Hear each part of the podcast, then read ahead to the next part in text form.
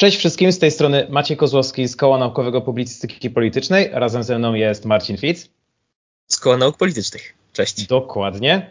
I to drugi odcinek Relacji z Frontu, czyli specjalnego formatu, w którym staramy się Wam przedstawić to, co przez ostatni tydzień działo się zarówno na Ukrainie, przepraszam, w Ukrainie i w wojnie, w tej inwazji rosyjskiej, która ma miejsce, jak i można powiedzieć dookoła tego, czyli wszelkie reakcje międzynarodowe e, oraz skutki gospodarcze tego, co, co aktualnie się dzieje. I klasycznie wydaje mi się, że powinniśmy zacząć od tego, co bezpośrednio dzieje się na froncie, ponieważ można powiedzieć, że precedencja na to nakazuje. E, zapewne wielu z Was, słuchacze, przez ostatnie dwa tygodnie mogą słyszeć o groźnym konwoju, który najpierw jechał w stronę Kijowa, potem się zatrzymał i w sumie nie wiadomo, co się z nim za bardzo dzieje, oprócz tego, że stoi i chyba nie ma paliwa. E, dajemy Wam update. Nic się nie zmieniło. E, konwój cały czas nic nie osiągnął. Prawdopodobnie mm, wojska ukraińskie, zarówno wojska, jak i siły obrony terytorialnej zdołały zarówno odciąć go od paliwa, jak i całkowicie zablokować mu drogę, przez co no, on mimo, że nie jest niszczony, to jest całkowicie bezużyteczny i można powiedzieć, że tak jak armia rosyjska nie posuwa się ani krok naprzód. To, to tak naprawdę tyle w e, tych najbardziej, można powiedzieć, e, uderzających rzeczach i bieżących. Jeszcze też ważny news z dzisiejszego rana, wy będziecie tego słuchać pewnie za jakieś 2-3 godziny. E, dzisiaj ukraińskie siły pochwaliły się e, zlikwidowaniem, zabiciem szóstego generała dywizji armii rosyjskiej. E, no, wynik bardzo niezły. Przyznam się, że jeszcze nie wiem dokładnie, jak on został zlikwidowany, chociaż tak czuję potrzebę, żeby się podzielić troszkę, no może zabawną to nie jest dobre słowo, ale no taką ironiczną e, historią, jak e, zmarł jeden lub bodajże nawet dwóch generałów w ostatnim tygodniu. Otóż pewnie też mogliście słyszeć doniesienia e, mówiące o tym, że wojska rosyjskie no, nie posiadają za bardzo jakiejś szyfrowanej komunikacji, to znaczy duża część z nich rozmawia przez telefony komórkowe i wydaje rozkazy. No i był taki pan generał, który również w ten sposób starał się dowodzić. No a jak wiecie, taki telefon bardzo łatwo namierzyć. No i został on namierzony, no i Ukraińcy po prostu postanowili zbombardować te pozycje, likwidując zarówno pana generała, jak i cały sztab zgromadzony wokół niego. E, niech mu ziemia lekką będzie? Chyba nie. Możemy przejść dalej, czyli do tego już najważniejszego mm, etapu, który ma teraz miejsce właśnie na froncie i tutaj już będę Ci przekazywał głos Marcinie, czyli może powiedz mi, co Rosjanie robią e, w miastach i to w miastach tych zarówno, które kontrolują, jak i tych, które nie są w stanie objąć kontroli. Dokładnie. Myślę, że musimy zacząć od tej zwiększonej brutalności agresji zbronnej, czyli dokonywanych celowych ataków na ludność, infrastrukturę cywilną. Wiadomo, że Rosjanie w ten sposób nasilają presję na, na kijowski rząd i próbują zmusić go pewnie do, do tej warunkowej kapitulacji. O tym też później wspomnimy. E, myślę, że powinniśmy zacząć od Mariupola, to też temat, który się w ostatnich dniach przewijał najczęściej. E, chodzi konkretnie o teatr dramatyczny. Po obu stronach teatru, w którym schronili się ludzie, e, widniał na ziemi napis dzieci, czyli po rosyjsku dzieci. Teatr ten został ostrzelany, czy w zasadzie zbombardowany przez lotnictwo rosyjskie. No tutaj możemy też dyskutować i dywagować, czy, czy pilot mógł widzieć te napisy. Mimo wszystko wiedział, że bombarduje cele cywilne, na pewno zaś jego przełożeni e, którzy podczas decyzji o ataku musieli dysponować właśnie wiedzą zdobytą albo to podczas rozpoznania, albo za pomocą zdjęć satelitarnych te napisy widzieli. A też wiadomo, że tego typu ataki e, lotnicze to nie jest e, rozkaz, żeby wysłać pilotów i bombardować cele losowe, tylko, tylko konkretne. E, teatr ten został zbombardowany i okazało się, że w schronie właśnie pod nim, w którym schronili się ludzie, ludność cywilna, wszyscy przeżyli. Jedna osoba została ciężko ranna, e, co może zakrawać trochę na miarę cudu. Dodatkowo wczoraj włoski rząd zapowiedział, że pomoże w odbudowie teatru. Włoski minister kultury Dario Franceschini poinformował w czwartek, że gabinet ministrów zatwierdził jego propozycję, aby zaoferować Ukrainie środki i zasoby do jak najszybszej odbudowy teatru. E, możemy więc tutaj stwierdzić, że jest to po pierwsze też wynik tej brutalności agresji rosyjskiej, ale sytuacja, która, która zakończyła się naprawdę szczęśliwie. No, warto tutaj tak naprawdę zaznaczyć, że jest to element szerszej strategii. Właśnie to prawdopodobnie nie jest tak, że siły rosyjskie sobie wystrzeliwują losowo rakiety i liczą, że one dosięgną no, tak naprawdę cele wojskowe. Takie rzeczy mogły mieć miejsce, no może nie rakiety, ale 100 lat temu. No, dzisiaj jest to właśnie element celowego zastraszania ludności i też to nie jest przypadek, tak mi się wydaje, że my o tym wszystkim słyszymy, ponieważ intuicja przynajmniej każe nam myśleć, że agresorzy powinni chcieć ograniczać zasięg tego typu informacji, żeby tak jakby ograniczyć e, wpływ ich na reputację międzynarodową i na to, żeby nie pogarszać swoich stosunków z Zachodem. No prawdopodobnie Rosji to już nie obchodzi. Rosję obchodzi to, żeby złamać ducha ukraińskiego, żeby postać prezydenta Zeleńskiego tak jakby przestała być tym bohaterem, który aktualnie ciągnie ten naród, można powiedzieć, i zagrzewa go do dalszego boju, tylko no, zmienić go w cudzysłowie w tę postać, która utrzymuje tę wojnę, pomimo że właśnie cywile są narażeni i, no i cierpią, i naród cierpi.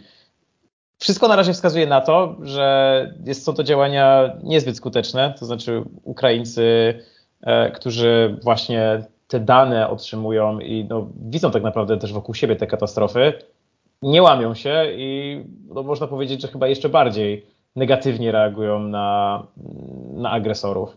Dokładnie tak. I wydaje mi się też, że musimy rozróżnić jeszcze kwestię tego, że czym innym jest bombardowanie lotnicze, a czym innym są ataki właśnie rakietowe. E, rosyjskie wojska miały też zużyć już większość posiadanych, czy w zasadzie nie posiadanych, ale przeznaczonych do agresji na Ukrainę tych rakiet precyzyjnych Iskander i Kalibr. Wiadomo też, że wszystkie, które są w posiadaniu armii rosyjskiej nie mogą być użyte, z racji na to, że są to rakiety, które mogą przenosić te głowice jądrowe, to część z nich podobno jest w takiej nienaruszalnej e, sumie gdzieś tam w e, bazach dalej na terenie federacji. Ale więc te kolejne ostrzały przeprowadzone są przy użyciu broni nieprecyzyjnej, artylerii, która tutaj rzeczywiście może powodować jakieś niecelowe e, ostrzelanie E, celów cywilnych, ale tak jak mówię, czym innym są bombardowania z samolotów. E, I wydaje mi się, że w takim razie można też wspomnieć o tym, że 18 marca odbył się pierwszy ostrzał rakietowy Lwowa. Zaatakowano lwowskie zakłady modernizacyjne. Przy międzynarodowym lotnisku mają one, wiadomo, znaczenie strategiczne, są odpowiednikiem takich naszych wojskowych zakładów lotniczych. Pewnie tutaj zadecydowały obawy przed jakimś otrzymaniem e, wsparcia ze strony Zachodu właśnie, które miałoby zostać tam zagospodarowane, albo ewentualnie tym, że na Zachodzie było to miejsce, w którym po prostu e, przeprowadzono remonty e, różnego rodzaju broni powietrznej. Wcześniej odbywały się ataki właśnie głównie na lotnisko w Łódzku, które było takim, e, takim miejscem głównym do modernizacji, a Zachód nie był, nie był atakowany, więc tu też warto zaznaczyć, że jest to pierwszy, pierwszy z takich ataków. No i jeszcze w tym temacie właśnie E, celowości tego, co, co, co Rosja chce osiągnąć, pewnie warto też zaznaczyć, że e, ma to na celu zwiększenie tej skali katastrofy humanitarnej, wywołanie jeszcze większej fali uchodźców, e, no i usiłowanie w ten sposób poprzez obniżenie morale społecznego, wpłynięcie także na politykę krajów NATO i UE, które miałyby wywołać na przykład presję na Kijów, aby ten zdecydował się na jakieś ustępstwa, właśnie aby ocalić ludność. No, pewnie będziemy jeszcze o tym e, mówić dalej, już w tych punktach powiązanych z dyplomacją, ale no, tak jak mówimy, zarówno te działania skierowane do państw Zachodu przez Rosję, jak i wobec ludności ukraińskiej, no to zastraszenie nie działa. To znaczy, z jednej strony faktycznie Rosja stara się dokonywać, znaczy stara się, no, dokonuje tak naprawdę bestialskich akcji, no a z drugiej strony ona całkowicie nie wygląda groźnie w momencie, w którym, i tutaj już przechodzę do następnego punktu, no te wojska stoją, to znaczy, no dobra, one nie stoją, to, to nie jest tak, że mamy do czynienia z pierwszą wojną światową, z pierwszą wojną światową oczywiście i z okopami, bo wojska rosyjskie cały czas poruszają się naprzód, na przykład na froncie południowym, e, w okolicach Krzywego Rogu, z tego co kojarzę, jest to nawet po paręnaście kilometrów dziennie, to nie jest aż tak mało, no ale no nie można tego nazwać na pewno tym tempem ofensywy, które miało miejsce w pierwszych dniach, w pierwszym tygodniu tak naprawdę walk, czyli w tym czasie, w którym wojska rosyjskie podeszły już pod Kijów. Dokładnie tak jak, tak jak mówisz. Wiemy, że w tym momencie e, ta wojna, jak nazwać, pozycyjna polega na tym, że armia ukraińska ma lokalnie przechodzić do kontrataków, a siły rosyjskie mają na celu właśnie umacnienie swoich pozycji, gromadzenie sił, no i pewnie te dalsze przeprowadzanie ostrzałów, uderzeń rakietowo-powietrznych. No wiemy, że właśnie stolica i pobliskie miejscowości, które kontrolowane są przez armię ukraińską, są regularnie ostrzeliwane i bombardowane, a do takich e, walk lądowych, tak to nazwijmy, do wymiany ognia cały czas dochodziło w Irpieniu i okolicach, okolicach Makarowa. Jeśli chodzi też o ostrzały miast, no to wiadomo, że cały czas pod ostrzałem jest Czernichów, e, podobnie jak okolice Sum. No i oczywiście cały czas tak naprawdę Karków jest coraz bardziej równany z ziemią, przynajmniej z tego, co donoszą zdjęcia, że coraz szersze tak naprawdę no, osiedla mieszkalne no, stają się blokami ruin, niestety. I to też jest właśnie ten element tej polityki zastraszania, o której mówiliśmy. No ale cóż, no, to jest tak naprawdę, powtórzę się, element bestialskiej polityki, która ma na celu z jednej strony nas, jako Zachód, powstrzymać od reakcji, a myślenie Ukraińców obrócić tak naprawdę przeciwko e, władzom. No ale te władze, pomimo tego, że no, tak naprawdę państwo ukraińskie, przynajmniej połowa jego terytorium jest objęta działaniami wojennymi, tymi bardziej lub mniej bezpośrednimi, mówiąc tak w dużym przybliżeniu, e, to wszystko wskazuje na to, że jest w stanie w pewien sposób działać. I tak przechodzę tutaj do e, pakietu ustaw wojennych, który został wprowadzony w ostatnich dniach przez Radę Najwyższą Ukrainy, e, ponieważ no, bardzo, bardzo dużą większością, z tego co kojarzę, to była większość konstytucyjna, uchwalono większość ustaw, które właśnie mają wesprzeć ten wysiłek wojenny kraju. Czyli z jednej strony e, tutaj nie, niektórzy zwolennicy niskich podatków mogą się ucieszyć, ponieważ no, może nie zlikwidowano, ale no, dużej części wyłączono większość podatków wobec przedsiębiorstw, zwłaszcza tych mniejszych. E, I zezwolono im po prostu na tak swobodne działanie, nie obciążając ich e, żadnymi ograniczeniami ze strony państwa. Tutaj jeszcze mówię o części gospodarczej, a z drugiej strony E, bardzo zmniejszono liczbę zezwoleń, które są też potrzebne właśnie do, do prowadzenia tejże działalności. Z, tego, z tego co pamiętam, jak tam przeglądałem właśnie, oczywiście bardzo polecam materiały OSW w tym miejscu, e, to zmniejszono liczbę tych pozwoleń do 20 z paru setek. Tutaj możesz mnie poprawić, jeżeli pamiętasz bliższe liczby.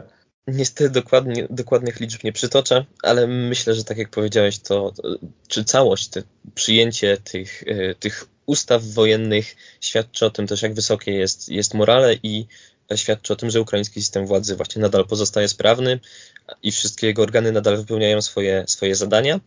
No i tutaj także możemy powiedzieć, że widać ten konsensus w elitach politycznych, konsensus właśnie we wspólnym oporze przeciwko wrogowi, bo tak jak powiedziałeś, wszystkie te ustawy zostały przyjęte większością konstytucyjną.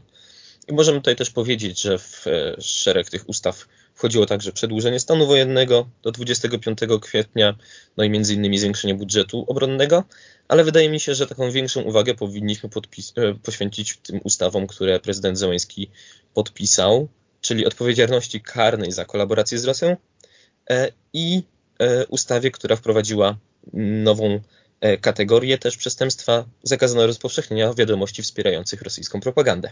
No tak, no ten pierwszy przepis można powiedzieć jest niezbędny tak naprawdę w obecnym stanie działań wojennych e, i prawdopodobnie właśnie te siły ukraińskie, które no, muszą kontrolować e, terytoria, które, no, przepraszam, pleonazm, które obecnie kontrolują, e, potrzebują właśnie tego typu przepisów, żeby móc zwalczać tak naprawdę wszelkie formy zarówno tego wywiadu rosyjskiego, chociaż wiadomo, że ten taki klasyczny wywiad jest objęty osobnymi ustawami, ale właśnie no, jakąkolwiek formę kolaboracji ludności cywilnej i też wprowadzenie tych przepisów w dalszy sposób jeszcze bardziej zniechęca e, Ukraińców do, do wspierania agresorów i to nie tylko z tych punktów tak jakby z tego moralnego, jak i narodowego punktu widzenia. E, ale mnie tak naprawdę jeszcze bardziej ciekawi właśnie ta druga ustawa, o której mówisz, czyli to przeciwdziałanie rosyjskiej propagandzie. Ponieważ te przepisy są na tyle ciekawe, że moim zdaniem, jeżeli faktycznie doszłoby do jakiegoś już bardziej zaawansowanego, można powiedzieć, zawieszenia broni albo, daj Boże, zakończenia wojny, to to jest ustawa, która może najwięcej tak naprawdę zmienić w ukraińskiej, no w ukraińskiej polityce, jak i na ukraińskiej scenie medialnej. I tutaj nie mówię oczywiście o, o jakimś przejmowaniu kontroli przez państwo właśnie nad mediami, ale chodzi mi o to, że bardzo, przynajmniej część z nas, którzy śledzili doniesienia z ukraińskiej polityki, może kojarzyć, że faktycznie przed wojną był problem z mediami, które no, w sposób dość otwarty, zwłaszcza była część mediów należąca do oligarchów, która w, część, która w sposób otwarty przekazywała te prorosyjskie treści. A teraz, nawet po wojnie, to będzie mogło zostać uregulowane. Więc moim zdaniem też to, jest, to jest też bardzo ważna ustawa, która no, troszkę tonie jednak tutaj w tych wszystkich wydarzeniach, ale to jest coś, o czym powinniśmy pamiętać. Prezydent Zełański po objęciu przez siebie stanowiska podjął też już różne kroki, które miały na celu właśnie e, jakąś naprawę tego rynku medialnego ale tak jak powiedziałeś, jest to bardzo ciekawe, bo, bo przepisy te mogą być użyte również właśnie przy, e, przeciwko jakiejś opozycji prorosyjskiej, ale także, co, co dla mnie wydawało się bardzo ciekawe, pewnie przeciwko także e, patriarchatowi moskiewskiemu, który, który jak wiemy e, też mocno się udziela, e, również w czasie tej wojny tylko w Doniecku. E, opisywane były sytuacje, w których to patriarchat moskiewski e, opierał się w E, czy w zasadzie wprost popierał właśnie agresję, agresję rosyjską. Wiemy także, e, jaka jest rola obecnie patriarchy e, Cyryla, więc to też mi się wydaje bardzo ciekawym aspektem tego wszystkiego. No i myślę, że tutaj możemy wspomnieć też o jeszcze jednej ustawie, czyli o ustaleniu odpowiedzialności osób prowadzących działalność kolaboracyjną. I wydaje mi się, że możemy przejść też do prób właśnie instalacji prorosyjskiej administracji i tego, w jaki sposób jest to, czy próbuje się ją zorganizować. To znaczy, no w dużym skrócie Rosji, jak trochę rzeczy ostatnio, no nie idzie. To znaczy, pewnie duża część z Was słyszała o porywanych reprezentantach e, dotychczasowych ukraińskich władz. Tutaj chodzi między innymi o mera, e, to był Melitpol? Tak, tak? Melitopola, dokładnie. Właśnie, to był mera Melitopola, dziękuję za pomoc, e, który no, właśnie został porwany przez to, że, za to, że nie chciał współpracować z agresorem. Oczywiście już został wypuszczony, został wymieniony na jeńców, na prawdopodobnie poborowych rosyjskich w większej ilości, ale to swoją drogą. No, Rosjanom instalowanie tych kolaboracyjnych służb idzie bardzo powoli. To znaczy, chyba w Melitopolu udało się e, znaleźć faktycznie dotychczas prorosyjskie ugrupowanie.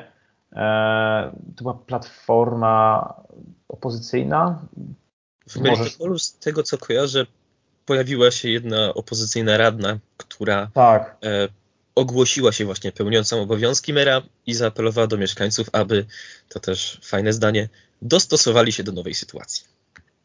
No, brzmi to, można powiedzieć, obrazowo, to znaczy tak, no, dostosowanie się to jest coś, co faktycznie mogą zrobić, e, znaczy inaczej, no, jedyne co mogą zrobić, nie popierając faktycznie Ukrainy mieszkańcy.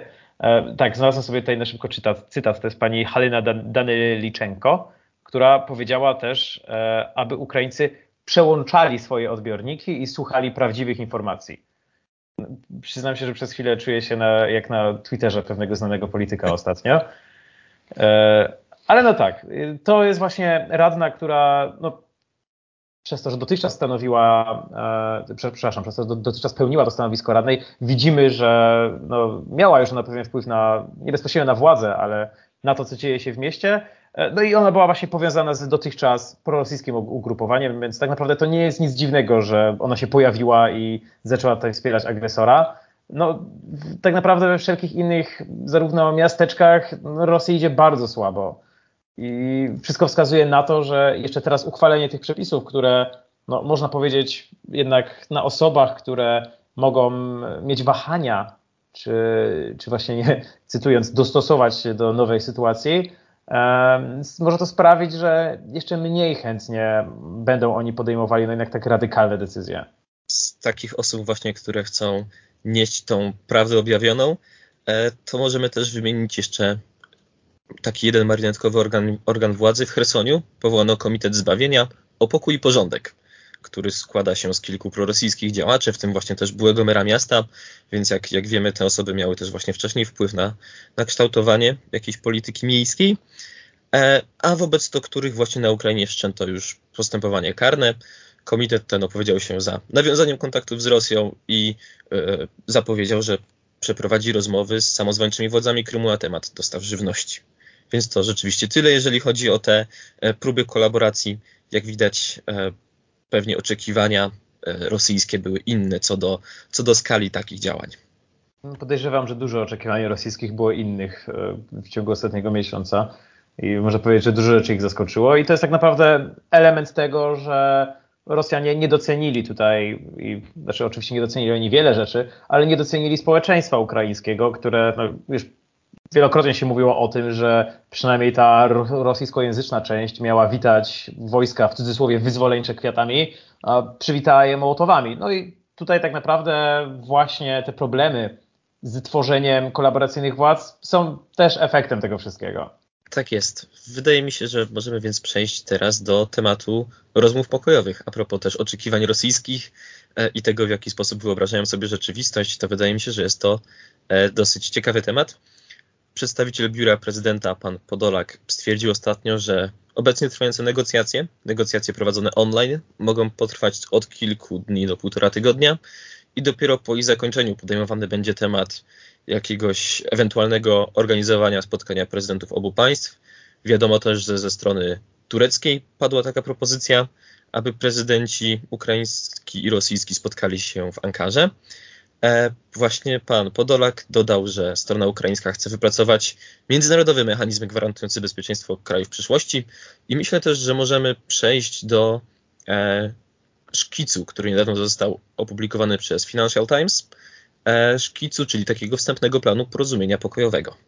Chociaż ten szkic miał, taki, miał taką jedną główną wadę. On, on został właśnie opublikowany, znaczy nawet nie opublikowany, to był niby przeciek Financial Timesa, jako tego szkicu, na który zgodziły się obie strony i o tym też już mówiliśmy na początku naszej audycji w środę. Tak, tutaj oczywiście muszę przeprowadzić reklamę, ale władze, przepraszam, reprezentanci delegacji ukraińskiej e, no, wskazali, że tak naprawdę duża część tego szkicu to są propozycje rosyjskie, na które no, oni jednak nie przystali. E, tak czy siak, nawet jeżeli to są propozycje rosyjskie albo to jest szkic, to raczej tutaj dwugłos wskazuje, że to jest coś, na co Rosja wyraziła zgodę.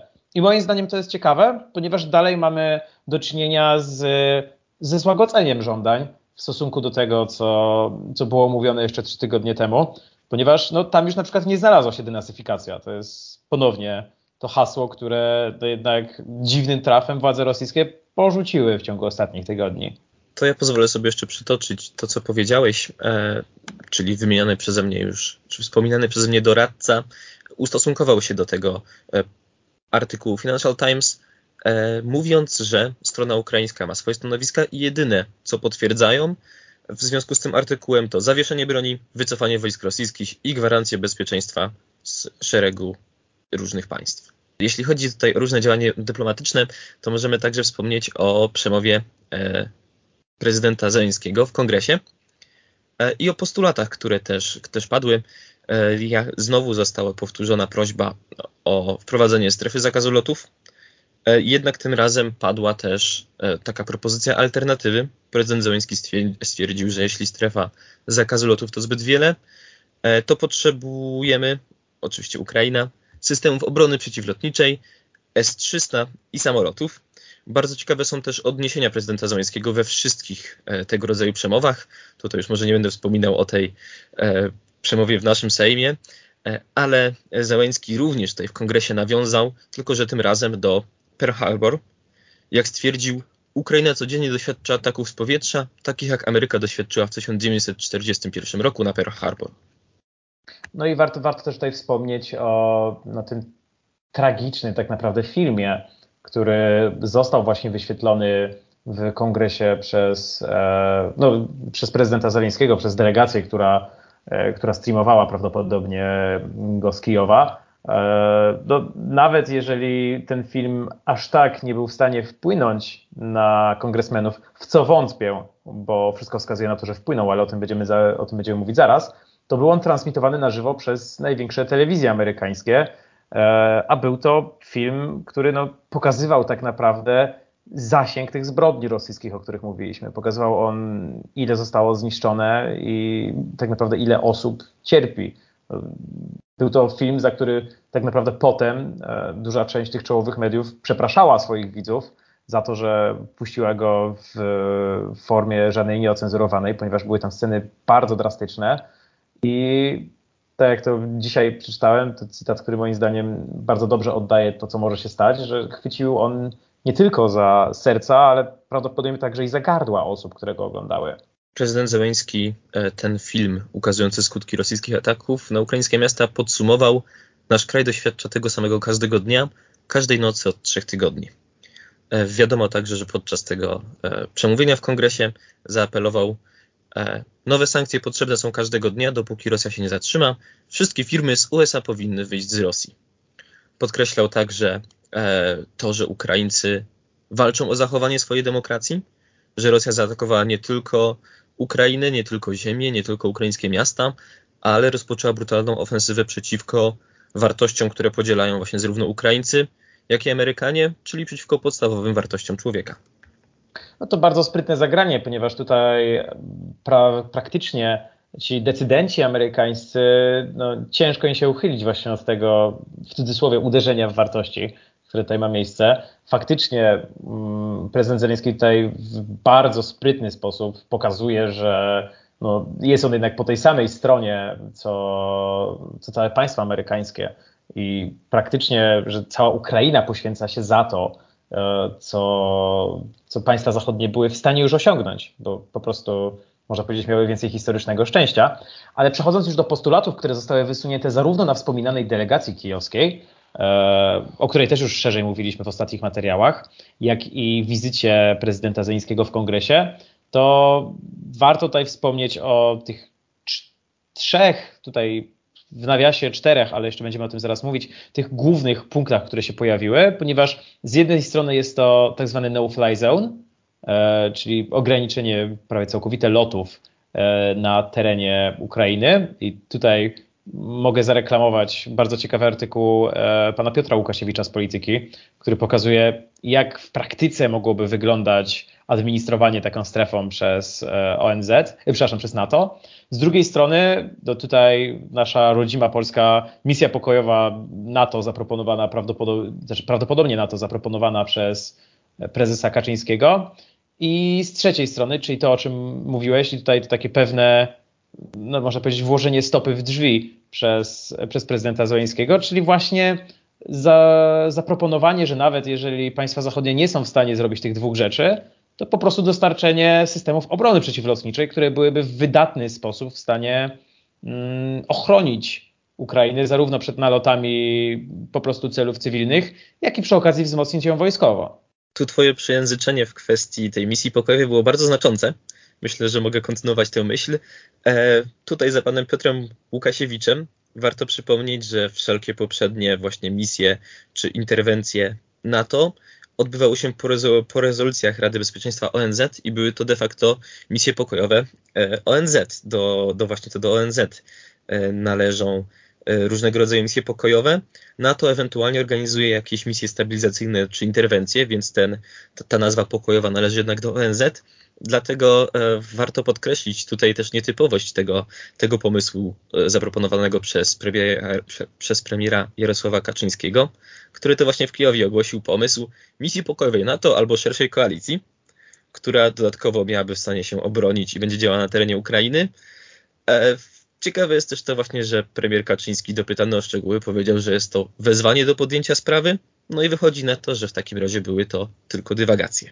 No i tak jak już wspominaliśmy w ostatnich materiałach, to stety lub niestety e, nie uzyskało jednak większego posłuchu, przynajmniej ta misja pokojowa, e, zarówno przez państwa Zachodu, jak i przez, e, przez prezydenta Zeleńskiego, który jednak skupił się faktycznie na tej no-fly zone oraz na dostarczaniu sprzętu przeciwlotniczego. Ja muszę się przyznać, że właśnie zmierzając teraz tutaj na tę audycję, minąłem telewizor rozłączony TVN24 którym e, akurat był e, reprezentant e, chyba kancelarii prezesa Rady Ministrów, który został spytany przez dziennikarza, czy Polska w jakikolwiek sposób skonsultowała te propozycje z, państw, znaczy z państwami sojuszniczymi i z, jakich, z jakimikolwiek państwami NATO. Na co pan reprezentant uśmiechnął się tylko i powiedział, że to są już tajniki dyplomacji i on nie będzie o tym mówił.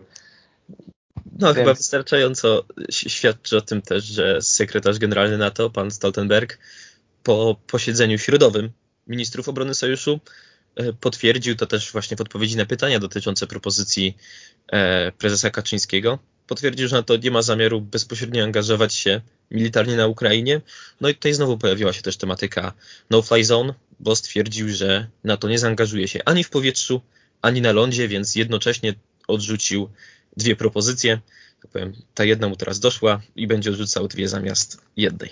No i jak jeszcze wcześniej mówiłem o tym nawiasie, w którym można by wrzucić czwartą propozycję, to jest tak naprawdę propozycja, która z tego, co też patrzyłem i tak, tak mi się wydaje, ona nie krąży tak naprawdę e, w przestrzeni międzynarodowej, ona krąży trochę w naszej polskiej debacie publicznej, czyli to zamknięcie granic dla transportu tirowego, tutaj głównie oczywiście granicy z Białorusią, E, żeby odciąć zarówno Białoruś, jak i Rosję od, od dostaw z Polski i krajów europejskich. E, no i to też jest bardzo ciężkie wykonanie. Tutaj pozwolę sobie też zaproponować odsłuchanie wczorajszego wywiadu z redaktorem Grzegorzem Siemiączykiem z Rzeczpospolitej, dziennikarzem ekonomicznym, który właśnie tłumaczy, dlaczego, dlaczego to nie jest takie proste i Polska, no Polska nie może sobie od tak zamknąć tych granic, stety lub niestety.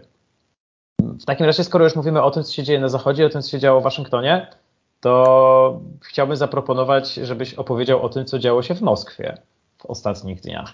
Myślę, że wielu z Was śledziło kadry z, z wczoraj. E, nawet kilkaset tysięcy osób mogło zjawić się właśnie na moskiewskich Łużnikach, gdzie prezydent Putin zorganizował, tutaj bardzo ładna nazwa, koncert dla świata bez nazizmu. E, uczestnicy tego wydarzenia e, właśnie pojawiali się tam czy pojawili się tam w ramach ósmej rocznicy aneksji Krymu. Jak wiadomo, podczas samego tego wiecu głos zabrał prezydent Putin, który jeszcze raz stwierdził, że rosyjskie, czy, czy że Rosja osiągnie, osiągnie swój cel. Sam wiec odbył się w takiej atmosferze właśnie mocno festynowej, tak bym to nazwał. Sporo E, sporo wiwatujących e, ludzi, chorągiewki, e, także momenty, podczas których deptano flagi Ukrainy. No, obrazki, które z pewnością szokują, ale też są naprawdę zatrważające. No, ja tak mogę powiedzieć, że jak mm, nawet obserwowałem, znaczy też obserwowałem oczywiście sam ten wiec, ale obserwowałem też z ciekawości właśnie te reakcje, zarówno w Polsce, jak i na Zachodzie, tego zarówno komentariatu szerokiego, jak i decydentów to wydaje mi się, że trochę dzięki temu duża część osób przejrzała na oczy. To znaczy, mieliśmy do czynienia w ostatnim tygodniu przed tym wiecem z wypowiedziami kanclerza Scholza, który, kanclerza Niemiec, który zaznaczał, że tak naprawdę w powstrzymywaniu Rosji trzeba uważać, żebyśmy tak naprawdę jak najbardziej starali się ukarać Putina, a starali się nie dotykać jednak tego narodu, który go wcale nie popiera no to oczywiście jest klasyczny dylemat tak naprawdę sankcjonowania właśnie krajów zwrotniczych. No, wydaje mi się, że ten wiec w Łużnikach, który oczywiście nie był w pełni reprezentatywny, ponieważ no wiadomo, 700 tysięcy osób lub nawet milion to nie jest cała Rosja, ale o tym też będziemy mówić zaraz, troszkę zadał kłam temu wszystkiemu i duża część polityków zobaczyła, że, że to nie jest tak, że są dobrzy Rosjanie i zły Putin, tylko to jest tak, że no według sondaży jednak 3 czwarte Rosjan popiera nawet dalsze działania rosyjskie i ataki na kolejne państwa, już nawet NATO i Unii Europejskiej. Tak, warto dodać, że, że kanclerz Scholz stwierdził, że nie możemy zapomnieć, że jest to wojna Putina, więc tak jak powiedziałeś, te wczorajsze wydarzenie pewnie e, sporej liczbie osób otworzyło oczy. Musimy też jednak e, tutaj zaznaczyć, że, że zapewne część jakaś z, z tych osób przybyła tam e, pod groźbą jakiegoś rodzaju represji. Wysłannik Financial Times w Moskwie, Max Sedon, e, informował wczoraj, że władze przygotowały także autobusy z dodatkowymi widzami, gdyby łużniki nie zapełniły się tak samo istnie właśnie z ludzi, którzy pojawili się tam e, z własnej woli. E, no ale też wiadomo, pojawienie się i machanie flagą jest już czym innym niż wznoszenie w górę transparentów z literą Z, czy także śpiewanie razem z różnymi zespołami muzycznymi których członkowie właśnie wprost popierają kremlowski reżim, czy wznoszenie różnych okrzyków e, prowojennych i wspierających reżim Władimira Putina. No i w tym miejscu też można wspomnieć o takiej swoistej ciekawostce, e, czyli też o no nie przerwaniu, bo to nie było całkowite przerwanie, ale pewnym naruszeniu transmisji właśnie tych obchodów mm, w internecie, ponieważ przemówienie Władimira Putina E, chyba mówiłeś mi, który to był moment, bo przyznam się, że nie pamiętam, co on dokładnie wtedy mówił. Jeżeli, jeżeli tak, to masz mi przerwać. Ja zaraz, zaraz przytoczę. Tak jest. Prezydent Putin zdążył powiedzieć, że zagarnięcie Krymu oraz teraźniejsza operacja specjalna były konieczne, by powstrzymać ludobójstwo w Ukrainie, co oczywiście nie jest prawdą. E, I w tym momencie telewidzowie e, nie usłyszeli dalszej części, czyli ostatnie słowa to operacja specjalna rozpoczęła się w dniu urodzin. No i tutaj na ekranach odbiorników ukazali się muzycy śpiewający kolejną z pieśni ku Rosji, a prezydent Władimir Putin właśnie swoje przemówienie przerwał. Kreml potem tłumaczył, że to kwestia problemów technicznych. No do problemów technicznych przyznała się już społeczność aktywistów Anonymous, E, no, to oczywiście można potraktować jako swoistą ciekawostkę, ale jeżeli to prawda, to mogę powiedzieć, że to bardzo przyjemny przytyczek w nos Kremla. I miejmy nadzieję, że będzie takich coraz więcej. Wychodząc już z Moskwy, na szczęście, e, i z tego, co dokładnie starał się nam zaserwować Kreml w ostatnich dniach, warto też wspomnieć o tym, jak e, reagowała szeroko pojęta społeczność międzynarodowa, to i oczywiście głównie Zachód, na tym gruncie ekonomicznym. Tak, oczywiście tutaj mam na myśli słowo sankcje. I zacznę od tego, że zarówno państwa Unii Europejskiej, jak i też e, Kanada i USA e, poszerzyły już chyba po raz czwarty, jeżeli się nie mylę, ten pakiet, znaczy poszerzyły po raz trzeci, pierwszy nie był poszerzeniem, pakiet sankcji wobec Federacji Rosyjskiej i wobec Białorusi. E, no tutaj oczywiście chodzi o poszerzenie mm, też sankcji personalnych wobec konkretnych e, reprezentantów obu zbrodniczych reżimów, chociaż wobec reprezentantów Białorusi to tam te, to, to grono jest bardzo wąskie, bo wydaje mi się, że ono objęło chyba głównie prezydenta i jego formalną małżonkę. E, ale tutaj też ważne jest poszerzenie przedmiotowej, czyli na przykład bardzo silne ograniczenie importu żelaza którego Rosja jest drugim importerem do Unii Europejskiej, zaraz za Turcją, co może w znaczny sposób też ponownie osłabić dużą część jej przemysłu. E, warto też wspomnieć o tym, że wiele państw, tutaj również z Polską, można chyba nawet zacytować premiera Morawieckiego powiedzieć forpoczcie, forpocztą w postaci Polski, e, przedstawiły plany derusyfikacji energetyki, czyli właśnie odciążenia, albo można może inaczej, uniezależnienia krajowej energetyki no, od rosyjskich materiałów energetycznych. Myślę, że w tym momencie warto też wspomnieć o zachodnich firmach, które nadal operują na rosyjskim rynku, szczególnie Leroy Merlin, Auchan i Decathlon. Właściciel e, właśnie francuski wymienionych przez nas firm z grupy ADO nie zamierza porzucać rosyjskiego rynku, co zakomunikował w przestrzeni medialnej. E, koncern rozpoczął już poszukiwania dostawców na miejsce tych, którzy wstrzymali e, swój eksport do Rosji. Warto też podkreślić, że właśnie dla Auchan e, Rosja to trzeci najważniejszy rynek na świecie. Najwidoczniej Francuzi uznali, że bojkot konsumencki w tych wreszcie państw europejskich będzie mniej dotkliwy niż wycofanie się z rosyjskiego rynku. A RIA Nowosti, czyli e, agencja medialna e, rosyjskiego rządu, tak ją możemy nazwać, e, ujawniła list sieci Leroy Merlin, w, z którego wynika, że e, pomimo to, że sklepy nadal będą działać jak dotychczas, to jednak w obliczu wycofania się firm o podobnym profilu e, sieć zwiększy swoje dostawy i poszerzy swój asortyment. No i taka ostatnia kwestia, e, wiadomo, że rozpoczął, rozpoczął się już bojkot konsumencki także w Polsce.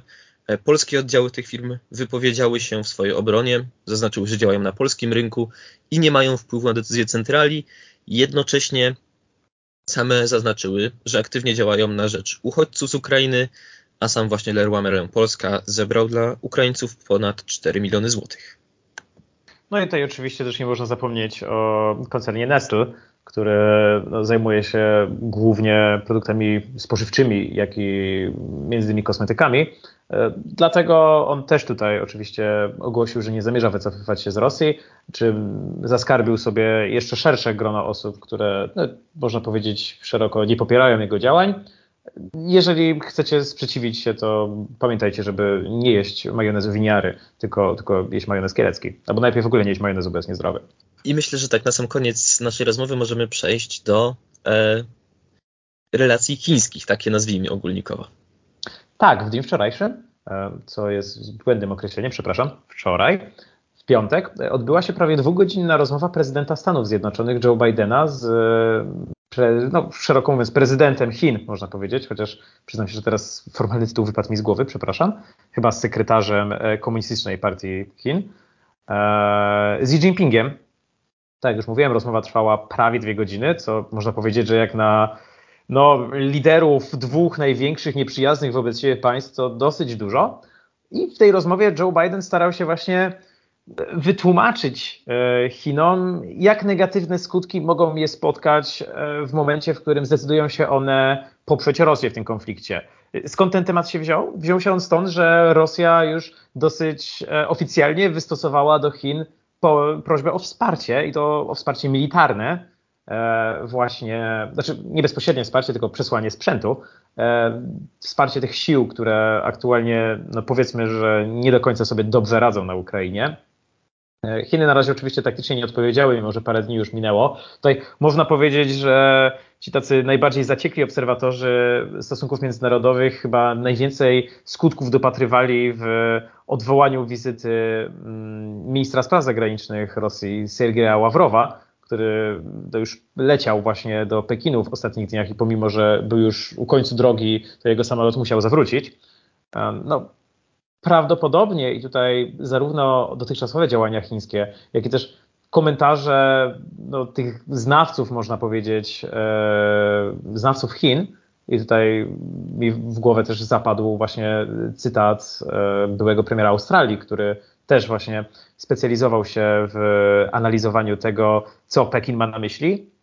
Znawcy wskazują, że prawdopodobnie mm, Chiny dosyć niechętnie podchodzą do tego, co oferuje im Rosja. I tutaj z jednej strony są one, no są one zaskoczone tym, jak słabo jej idzie z jednej strony na froncie, a z drugiej strony, jak słabo jej idzie właśnie na tej arenie międzynarodowej, na której no, można powiedzieć, że Zachód zjednoczył się tak naprawdę wobec, e, no, w perspektywie ukarania jej sankcjami właśnie za to, co, co dzieje się aktualnie w Ukrainie.